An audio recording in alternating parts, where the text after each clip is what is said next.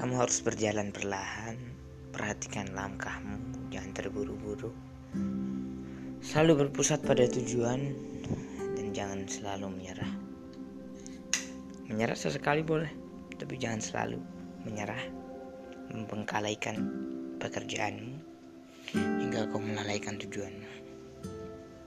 Ketika kau menyerah, kau harus bisa bangkit kembali.